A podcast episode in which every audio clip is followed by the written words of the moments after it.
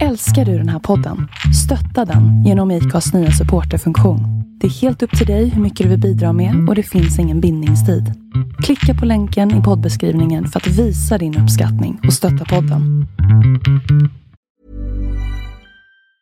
Planning for your next trip? Elevate your travel style with Quince. Quince has all the jet setting essentials you'll want for your next getaway, like European linen premium luggage options, buttery soft Italian leather bags, and so much more. And it's all priced at 50 to 80% less than similar brands. Plus, Quince only works with factories that use safe and ethical manufacturing practices. Pack your bags with high-quality essentials you'll be wearing for vacations to come with Quince. Go to quince.com slash trip for free shipping and 365-day returns. What is the source?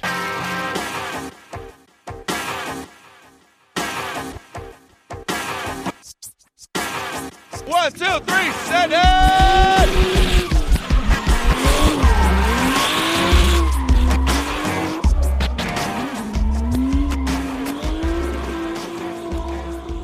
Hej och välkomna till ett nytt avsnitt av Driftpodden.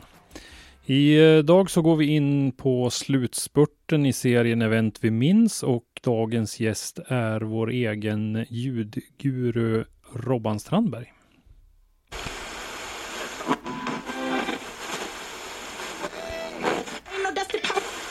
Vill du stötta Driftpodden?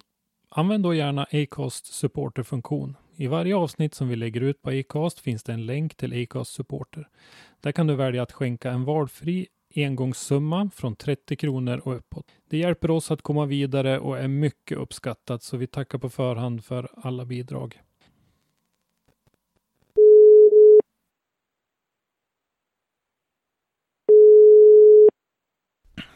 Ja, välkommen till podden Robban. Ja men tack, jättekul att få med i en podd. Jag sa ju det när jag körde avsnittet med Henrik också förra veckan att det känns ju lite konstigt att, att välkomna er till podden som är med i princip varje gång. Men eh, det är ju ett lite annat fokus den här gången för nu ska vi prata lite grann om dig och dina eh, erfarenheter. Event vi minns är ju huvudpunkten liksom. Men jag tänkte att eh, vi kan faktiskt börja lite tidigare och dra en lite kortfattad bakgrund. För du är ju en eh, person som har en eh, ganska långvarig eh, relation till motorsport får man väl säga. Ja, det kan jag väl påstå. Min, båda mina föräldrar var väldigt involverade i motorsport när jag, när jag växte upp. Så jag har väl, säga, SMK Sundsvall är min hemmaklubb. Jag har väl i stort sett, jag tänkte säga, varit, varit kanske till på huven på någon rallybil, men ja, nej. Men eh, pappa körde rally när, han var, när jag var yngre. Så då. Det har väl blivit det då. Och han var väl med och startade upp eh, backtävlingen som de har här i Sundsvall. Som fyller, kan det vara, är det 40 år? Förra året Ja, just det skulle ju vara något jubileum då som blev inställt på grund av pandemin. Ja, men precis. Och det fick vi ju ställa in där då. Alltså det har väl varit liksom från det att man, man lärde sig gå.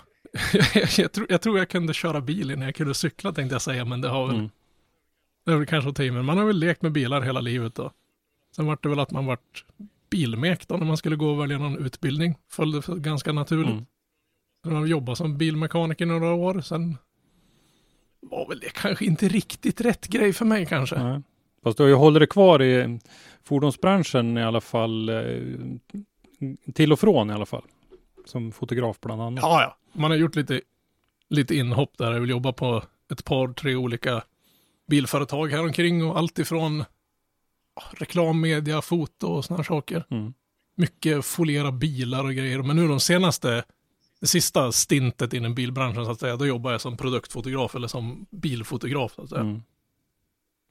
Så det är lite småkul. Fotografera begagnade bilar för eh, Blocket och eh, vad det där nya heter. Ja, Mm. uh, Wake heter väl. Ja, det var, det vart en del, vi, vi gjorde lite reklamfilmer och sådana grejer också som Mm, gick iväg. ja, så det, ja, fast det, man ska, jag, jag brukar säga det, många säger liksom, oh, man ska ha, jobba med sin hobby så jobbar man inte en dag i sitt liv. Det är bullshit, då har du ingen hobby kvar sen heller.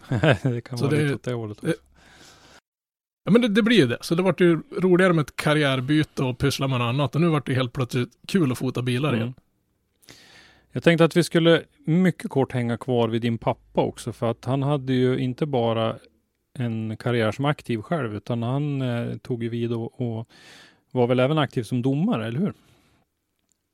Ja, han har väl fraktat, eller släpat sig runt på rätt många banor runt om i världen. Han var väl, jag är inte säker på vilken, vad ska man säga, rang inom dom, domarkåren han hade, men han jobbade väl rätt mycket för SPF på slutet och for runt. Och vi har varit och kikat på alla tänkbara tävlingar runt omkring i världen. Och Mm. det var ganska roligt. Man har ju fått sett sporter man inte trodde man skulle få möjlighet att uppleva annars. Mm. Och han är liksom, när han, när han slutade att tävla, det vart väl det när han vart pappa till två barn så att säga. Det, det vet ju alla hur dyrt det är att hålla på med två kids som också ska ha sina hobbyn och motorsport. Mm. Så då får man ju tyvärr då offra den ena. Jag är glad, jag är glad att han offrade motorsporten och inte oss. Ja, ja. Det, hade, hade känts lite tungt. Ja. Ja men absolut. Och eh, själv har du ju inte bara en licens va?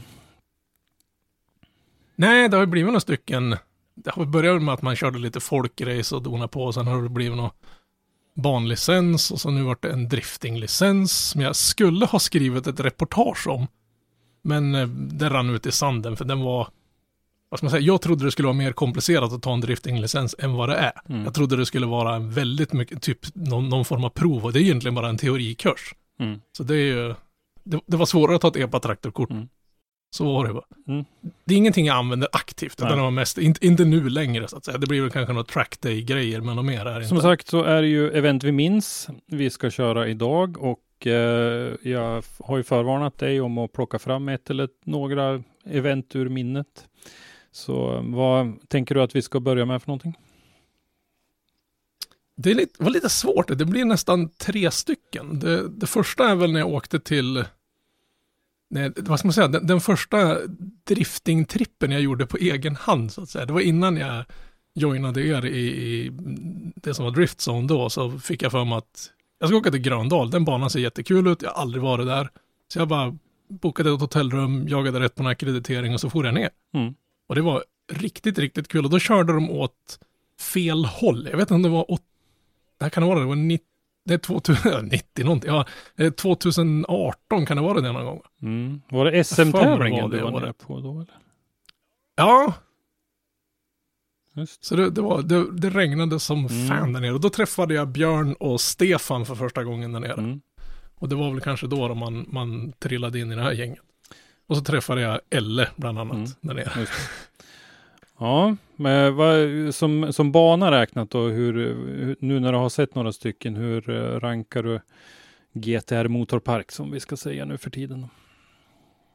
Jag gillade den för den var lite teknisk och slingrig och den var inte platt och, och tråkig utan den, den liksom går ju, ja, som ni alla vet, in, nästan som en liten utförsbacke. Nu körde de i bakvägen så de startar ju på bortsidan så att säga, så upp där och ner. Så den här muren som de brukar komma från, vad ska man säga, från, från vänster mot så kommer de ifrån, uppifrån från krönet till ner mot den så att säga. Mm.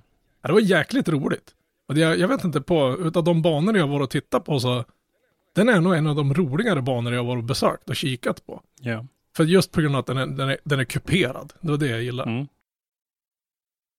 Sen vet jag inte vad förarna tycker om att köra en kuperad bana, men, men för oss som tittar på och framförallt oss som fotar så var den riktigt, riktigt Jo, rolig. Eh, nej, men det är många förare som verkligen gillar den. Det är det absolut. Och eh, jag tycker ju som att det är en fördel att eh, man kan nå flera delar ganska lätt så att man kan variera sina bilder. För oss som fotografer är det ju är det ju viktigt att kunna variera bilderna utan att man behöver gå så långt. Om man ser på en sån stor bana som Mantorp Park till exempel kan det vara lite besvärligare därför att det är ganska långt att gå för att nå olika ställen. Eh, Gröndal kan man Oh, ju ja. komma åt väldigt mycket på ganska kort tid för att det, det är väldigt kompakt. Jo men så är det det, det går på något sätt att gå runt den, så man behöver liksom inte korsa banan på speciellt många ställen för att ta sig någon annanstans. Ja. Och det, det- är nästan så de har ritat den för att det ska vara så lätt som möjligt för oss att jobba på den. Mm. Nu får vi väl se lite grann framöver här hur det blir. Det pratas ju väldigt lite om drifting och eh, vi vet ju att eh, Johan Häggblad där på GTR Motorpark har haft lite problem med eh, ljudnivån ifrån driftingen så att eh, vi får väl se om han satsar vidare. Det, det satsas ju väldigt stort där och det byggs ju och så där och börjar väl nå slutskedet av den här ombyggnationen, den här förlängningen av banan som har gjorts. Så att eh, vi får se, men det skulle ju vara fantastiskt roligt om det blev drifting även i fortsättningen. Det har ju varit Sveriges nationalarena för drifting, det får vi väl säga ändå kan jag tycka. Ja men det, det, kan jag nästan förstå, för det var ju liksom ett, precis som du säger, man kan, och speciellt från läktarplats så ser du ju i stort sett hela, hela området, eller mm. framförallt hela tävlingsdelen så att säga. Ja. Sen gillar jag ju murar. Jag är, mm. Eftersom jag slipper skruva några bilarna så är murar någonting jag gillar att de åker Ja, absolut. Och eh, den där eh, legomuren precis framför depåområdet, den var ju rätt ny när jag var där första gången. Och, och så. Och den höjde ju upp, eh, tyckte jag, rejält då. Så att det vart en, en ordentlig mur att smeka efter hela vägen där, oavsett egentligen vilket håll man kommer ifrån. Ja, precis. Och på den tävlingen var det ju där nere när Jim Olofsson, han var ju där för då hade ju de, det var tävlingen, kan det ha varit två veckor efter att han volte, två, tre veckor max.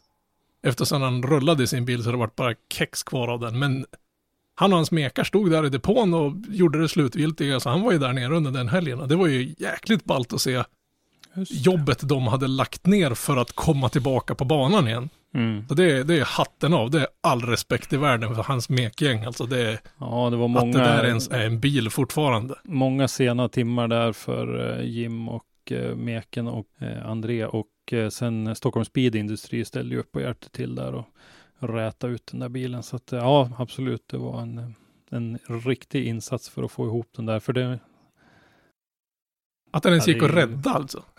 Ja, det är helt fantastiskt. Eh, det var ju några tävlingar kvar på den där säsongen eh, då för Jim, så att det var ju väldigt viktigt för honom att få ihop bilen så han kunde fortsätta. Ja, det var riktigt schysst att se. Och sen var det, det var liksom roligt när man var ner dit, för det var första gången man, man fick träffa andra fotografer som man inte har stött på. Och då, mm. då satt vi i något, eh, de har ju liksom ett litet mediacenter där vi fick turas om och vakta så att säga, så man kunde lämna kameror och grejer och ladda mm. batterier och sådana saker där. Så den, den biten, liksom den sociala delen runt där var jäkligt schysst tycker jag. Mm. Det liksom bidrar ju till, till hela upplevelsen, inte bara tävlingen och liksom livet i depån, utan även vi som, som är där och jobbar med, med att bevaka det här och fotografera. Vi har ju liksom en egen liten gemenskap där. Mm. Och det, det tyckte jag var jäkligt schysst. Ja, det var SM på GTR Motorpark 2018. Vad var nästa grej du tänkte på? Nästa grej, det var faktiskt, det, det är två saker som hände förra året.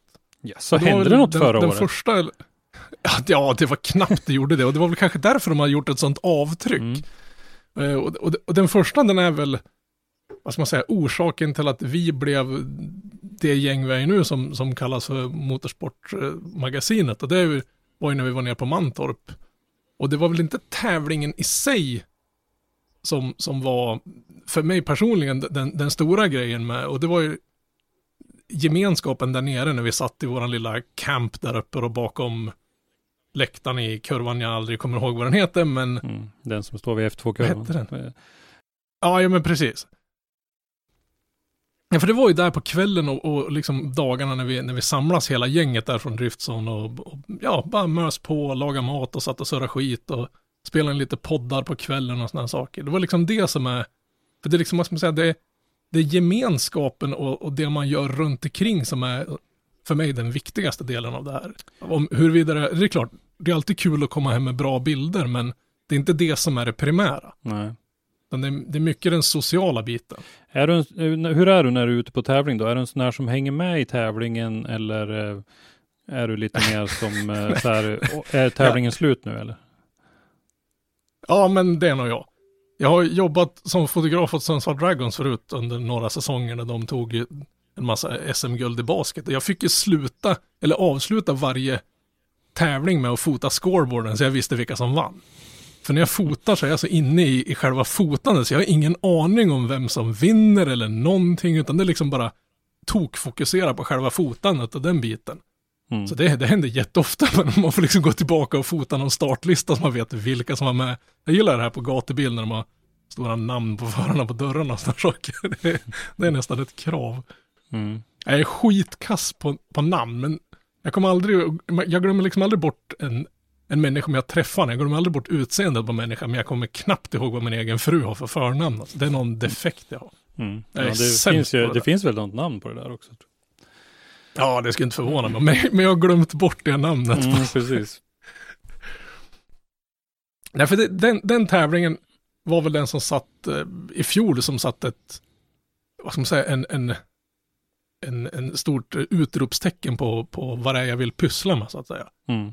Och det är inte bara liksom fotande utan det är liksom hela den sociala biten runt omkring och det är den som är, det är väl det som är driftinggemenskapen även för oss som bara står på sidan om och fota och inte sitter i bilarna eller håller på och meckar med Ja, dem. men så är det.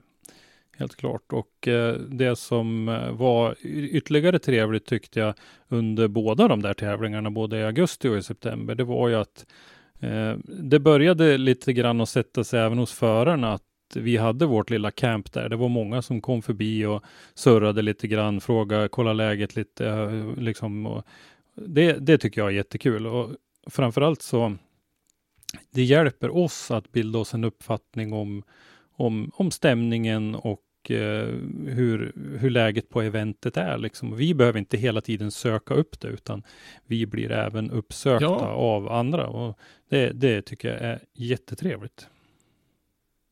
Jag tycker det var lite pinsamt när vi gick runt i depån och det kom fram en kille och bara Åh, vad schysst, nu har jag fått ett ansikte på den här rösten. Så jag vet inte, jag får väl beklaga eller någonting sånt där. Ja, jag vet inte vad jag ska.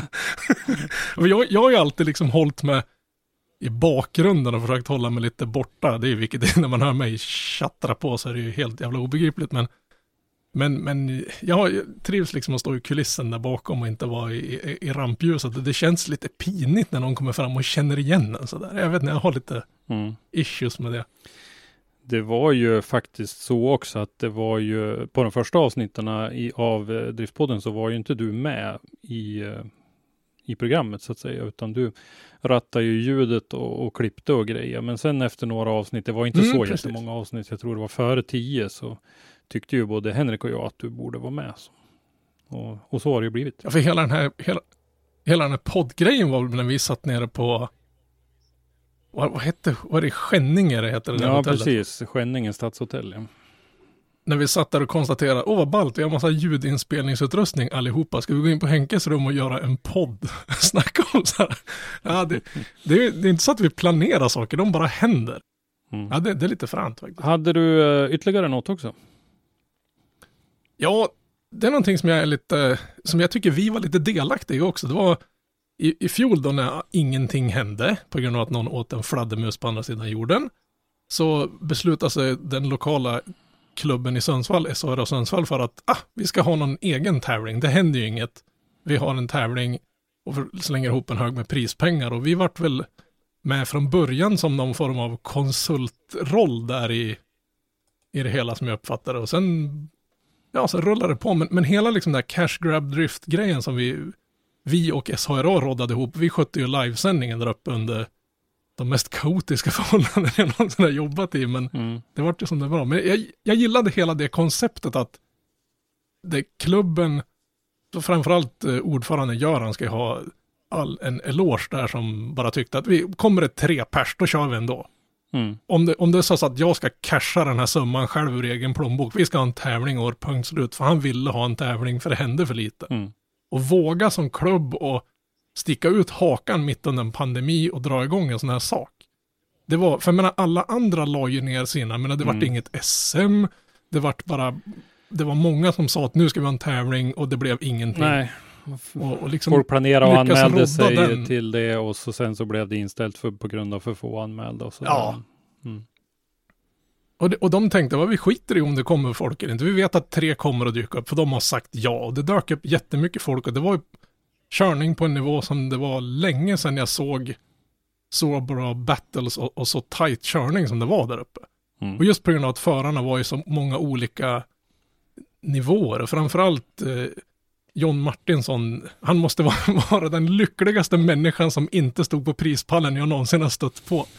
För då hade det varit att det hade gått så dåligt på, på, på andra tävlingar han hade varit, så han ville liksom bevisa för sig själv vad han klarade av.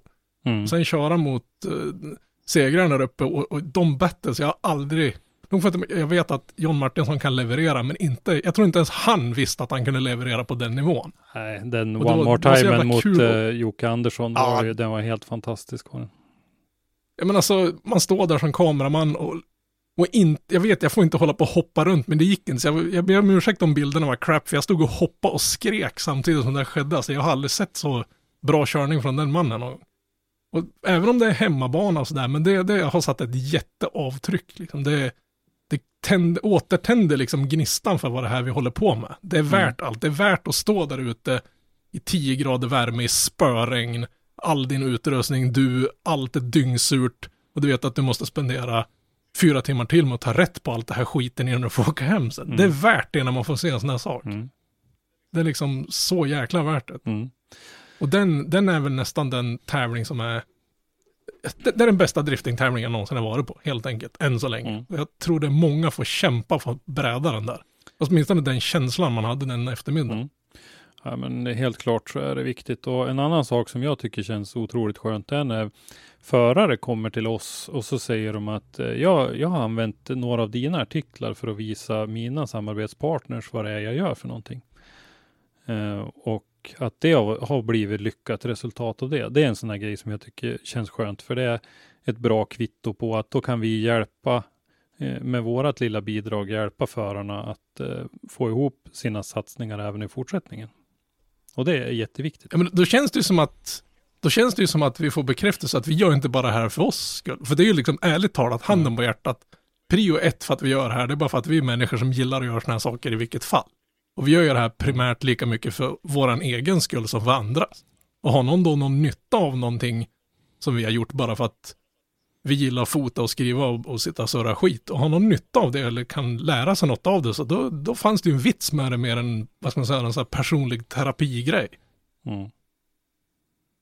Mm. Som de här avsnitten vi gjorde om samarbetspartners och grejer har fått väldigt mycket bra kritik från, Mm. från förare som har liksom, oh vi har inte tänkt på det där tidigare och nu gör vi så här och det funkar jättebra. Jag menar, det är värt allt slit i hela världen att höra en sån sak. Ja, men det är det helt klart. Och vi, vi kan väl rekommendera de som eh, inte har lyssnat på dem, eh, eller på det avsnittet om eh, samarbetspartners. Det är avsnitt nummer fyra i Driftpodden. Så kan man lyssna på det. Eller så finns ju faktiskt artiklarna kvar i en serie som jag skrev som eh, finns på driftson.se. Man kan söka därefter samarbetspartners så tror jag att man hittar eh, de artiklarna. Var det så, var det så länge sedan som avsnitt fyra? Ja, och jäklar. var det.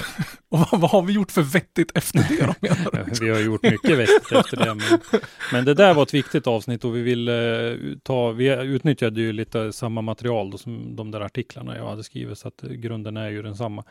Eh, som vi ville gå ut med ganska tidigt för att det var ju det, den tiden på året och läge för eh, de förarna att eh, kika på. Det var, vi la ut det där i oktober någon gång skulle jag tro.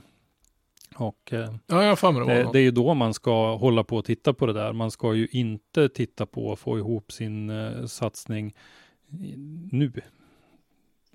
Två veckor innan Ja, start ja, liksom. Precis. Nej, det, Utan, det kan vara ja, jättesvettigt. utan vi, vi brukar ju ha som ett, ett eh, bra exempel så var vi ju med på en av de här eh, träffarna på Mantorp Park under gatebil eh, i september Mm. för ett eh, par år sedan här och då pratade ju bland annat om Micke Wunderbaum som är gammal i gamet. Han har kört drifting jättelänge och eh, på olika nivåer, bland annat ganska hög nivå i Pro 2 i Formula Drift.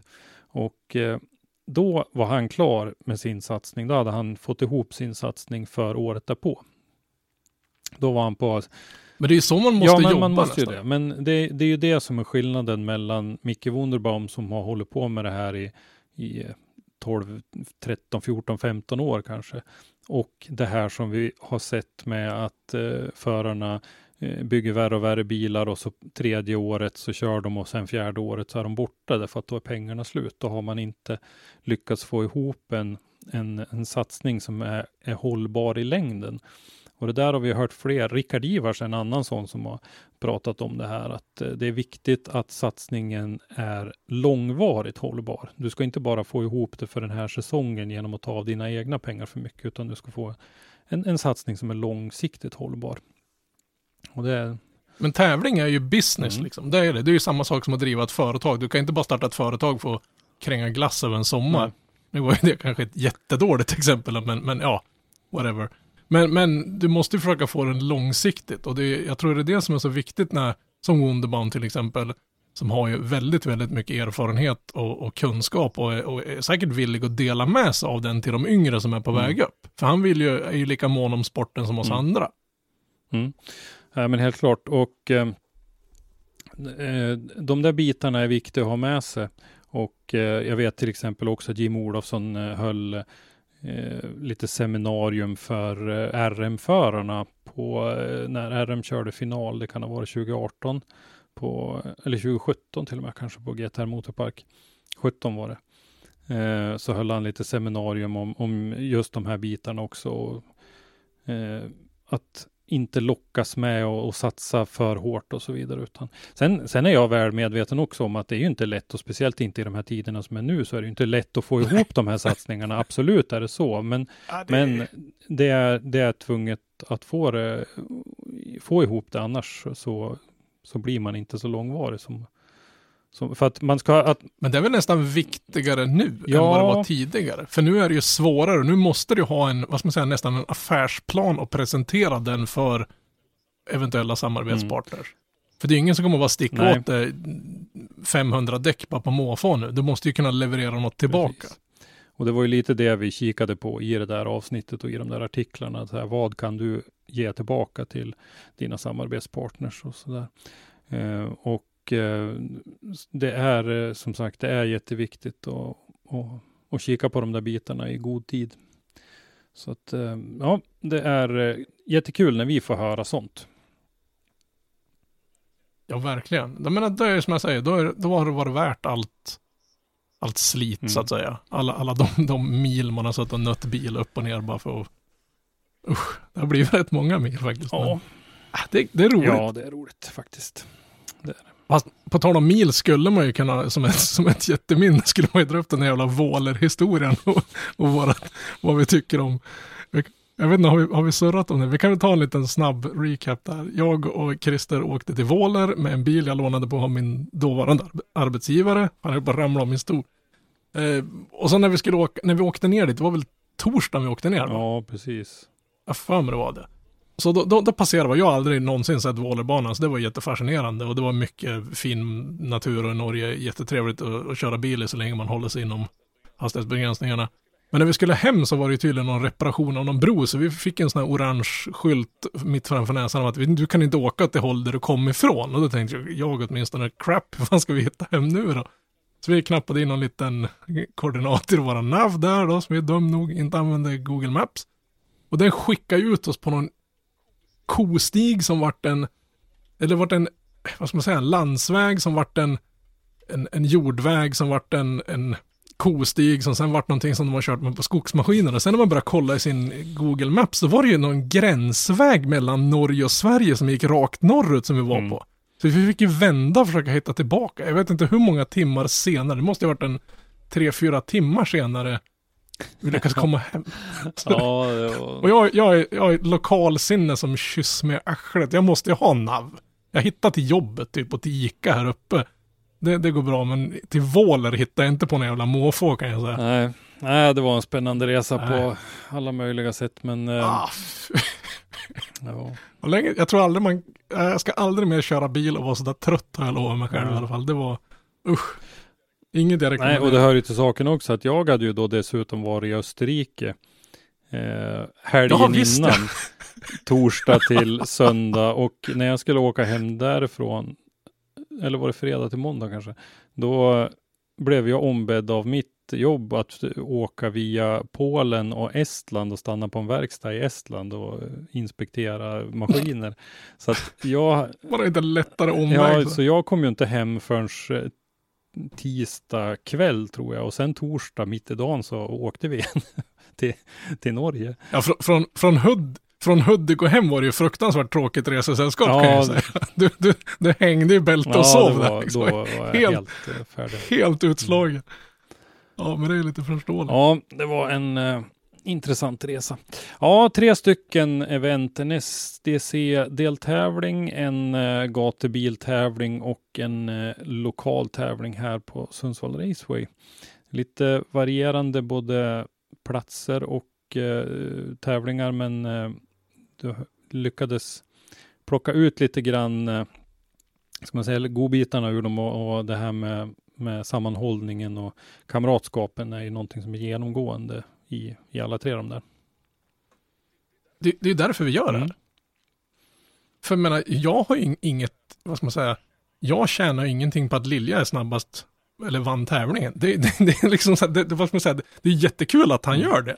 Men, men, men det påverkar ju inte mig, för det kan ju vara lika bra någon annan. Jag kommer ju lik förbaskat att fota den. Men det är ju liksom den här äh, gemenskapen och grejen runt omkring. Och det är ju skitkul när vi åker iväg till andra städer och får träffa andra fotografer som, som är lokal Mm. där.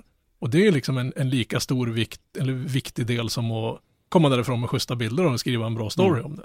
Det är ju minst lika viktigt att träffa alla människor. Runt och surra i depån på kvällar och sådana saker. Det är ju liksom ovärderligt. Det är därför jag åker iväg på det. Annars är det lika bra att kunna sitta hemma och titta på livestreamen. Så är det. Ja, men eh, med det då så säger vi väl tack för att du var med i den här serien Robban och så får vi väl se vilka nya blad vi får skriva i den här minnesboken den här säsongen. Ja, och sen är det väl nästan slut på de här äh, event vi minns grejerna. Det är väl bara ett kvar. Ja, det är nog det. Jag kommer inte ihåg vem det är då. Nej, jag vet inte. Jag tror han jobbar som någon kommunalfullmäktige Ja, någonstans. Jag får mig.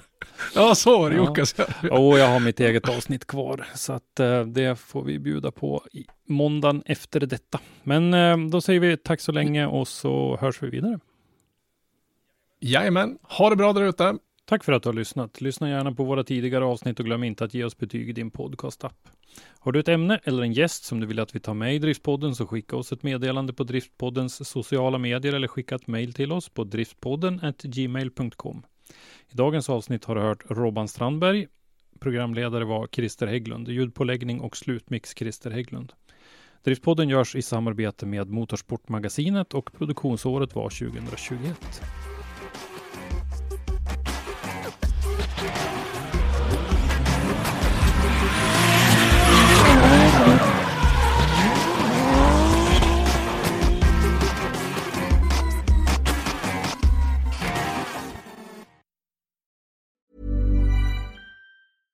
Ever catch yourself eating the same flavorless dinner three days in a row? Dreaming of something better? Well, HelloFresh is your guilt-free dream come true, baby. It's me, Kiki Palmer. Let's wake up those taste buds with hot, juicy pecan-crusted chicken or garlic butter shrimp scampi. Mm. Hello Fresh. Stop dreaming of all the delicious possibilities and dig in at HelloFresh.com. Let's get this dinner party started. Hiring for your small business? If you're not looking for professionals on LinkedIn, you're looking in the wrong place. That's like looking for your car keys in a fish tank. LinkedIn helps you hire professionals you can't find anywhere else, even those who aren't actively searching for a new job but might be open to the perfect role. In a given month, over 70% of LinkedIn users don't even visit other leading job sites. So start looking in the right place. With LinkedIn, you can hire professionals like a professional. Post your free job on linkedin.com slash achieve today. Ever catch yourself eating the same flavorless dinner three days in a row? Dreaming of something better? Well, HelloFresh is your guilt-free dream come true, baby. It's me, Kiki Palmer. Let's wake up those taste buds with hot, juicy pecan-crusted chicken or garlic butter shrimp scampi. Mm. Hello Fresh. Stop dreaming of all the delicious possibilities and dig in at HelloFresh.com. Let's get this dinner party started.